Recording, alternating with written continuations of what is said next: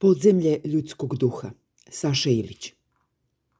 Opšte je poznata stvar da politički i kulturni establishment u Srbiji ne voli savremenu umetnost, izuzev Marine Abramović, niti antiratnu književnost kao ni underground umetnost generalno.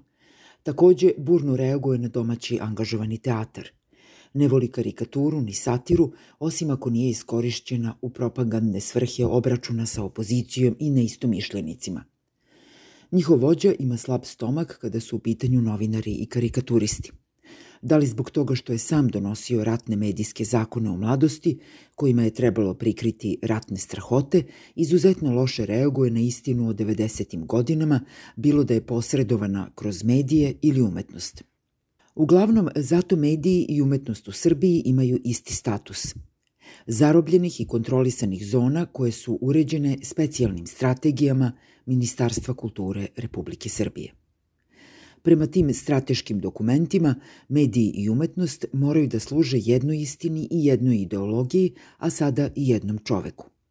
Oni koji to ne čine označeni su kao bolesni, plaćeni, autošovinisti, ljudi bez obraza i stida.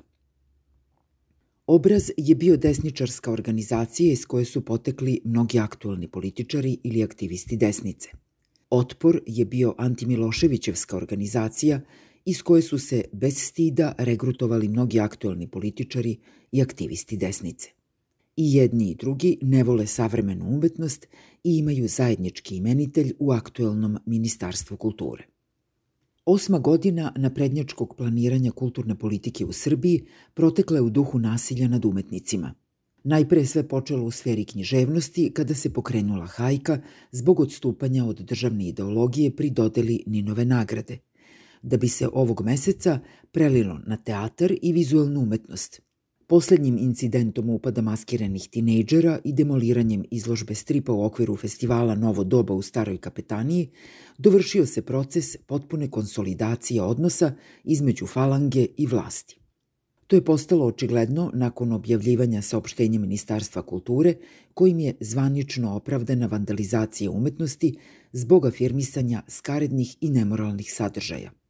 Mnogi pojedinci, nezavisna kao i zvanična udruženja umetnika, istupili su protiv ovog događaja i ovakvog saopštenja, što je izazvalo čitavu seriju reakcija iz resornog ministarstva, od kojih je svaka naredna bila gora od prethodne.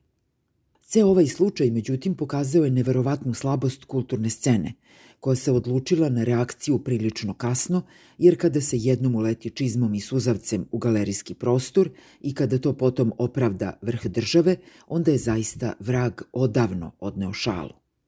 Nikakvo zapomaganje više ne pomaže, niti istorijske paralele sa totalitarnim ideologijama koje su ostale kao školski primeri militantne netrpeljivosti prema svemu drugačijem i modernom. To se videlo i iz ovog slučaja, a naročito iz razobručenog diskursa ministarstva koje se takvim i sličnim saopštenjima obračunava sa neistomišljenicima već godinama.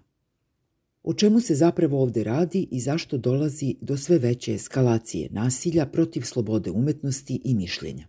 Nemački pastor Martin Nimeler ispevao je o tome poučnu pesmu koju ovde valjda svako zna – Mnogi komentatori političkih prilika voleli su da je citiraju u svojim tekstovima. U kratkoj retrospektivi narastanja autokratije i straha u kulturi Srbije, parafraza te pesme zvučala bi otprilike ovako. Kada su naprednjaci došli po urednice Kulturnog centra Beograda, svi su uglavnom ćutali, jer su mislili da će moći da nastave svoju saradnju sa novim rukovodstvom ako se budu pravili da se ništa nije dogodilo. Ovo se najpre odnosi na festival Slobodna zona, koji je nesmetano tekao u dvorani kulturnog centra, dok se na gornjim spratovima odigravala čistka. Isto se dogodilo i tokom ukidanja oktobarskog salona. Kada su neposredno pre toga došli po Sretena Ugričića, gotovo svi su se pridružili kamenovanju tadašnjeg direktora Narodne biblioteke Srbije, kako se ne bi pomislilo da je još neko došao na sličnu ideju, to jest da podrži atentat na tadašnjeg predsednika države Borisa Tadića, ministra policije Ivicu Dačića, te Milorada Dodika i čitav crkveni vrh. Kada su od Srpskog pen centra napravili udruženje za odbranu povlašćenih, a ne za zaštitu progonjenih, oni koji su imali prilike da se pobune, Prećutali su to jer su smatrali da su stekli dovoljno ugleda i moći i da im bilo kakva zaštita nikada više u životu neće biti potrebna.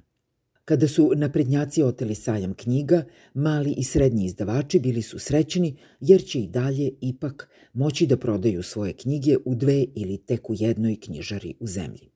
Kada su dve ugledne borkinje protiv autoritarizma, nacionalizma i represije, Borko Pavićević i Mirjanu Mijučinović, provukli kroz medijsko blato, mnogi su se stavili na stranu onih koji su to činili, jer su želeli da obezbede što lakše ustoličenje naprednjaka i obezbede svoj nesmetani rad u teškim godinama koje su dolazile. Na posledku nisu bili žene, niti im je medijsko blato smetalo. Kada su naprednjaci došli po Slađanu Petrović Varagić iz Kulturnog centra Požega, gde je na udaru takođe bila zbog savremene umetnosti, nije reagovao skoro niko iz Beograda, naročito ne oni koji su formacijski bili nadležni za odbranu ove institucije kulture, kao i njenog kulturnog koncepta. U ostalom, Požega je tada delovala daleko i nikoga nije bilo briga šta se dešava na periferiji kulture. Kada su doneli strategiju za razvoj kulture, direktori svih institucija kulture u Srbiji pozdravili su ovaj čin kao prvo strateško planiranje kulturne politike u Srbiji od Karađorđevih vremena do današnjih dana. Nikome nije smetala duboka diskriminacija i kultur rasizam koji se nalazi u temelju ovog dokumenta, kao ni kreiranje kulturne politike iz narativa o genocidu u Jasenovcu, crkvi i nacionalizmu 19. veka. Kada su na posledku došli u čizmama i sa suzavcem u galeriju Stara kapetanija, mnogi su se dosetili da se tu radi o opasnim stvarima.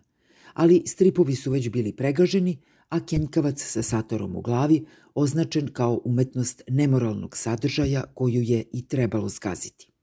Neko ko bude imao vremena, mogao bi da se pozabavi diskurs analizom dokumenta i saopštenja Ministarstva kulture tekstova na Novoj srpskoj političkoj misli, govora u emisijama redakcije kulture RTS-a pod novim rukovodstvom, kao i ostalih režimskih medija i tabloida. Svakako bi ustanovio da je postignuta jezička i ideološka sinergija na zavidnom nivou.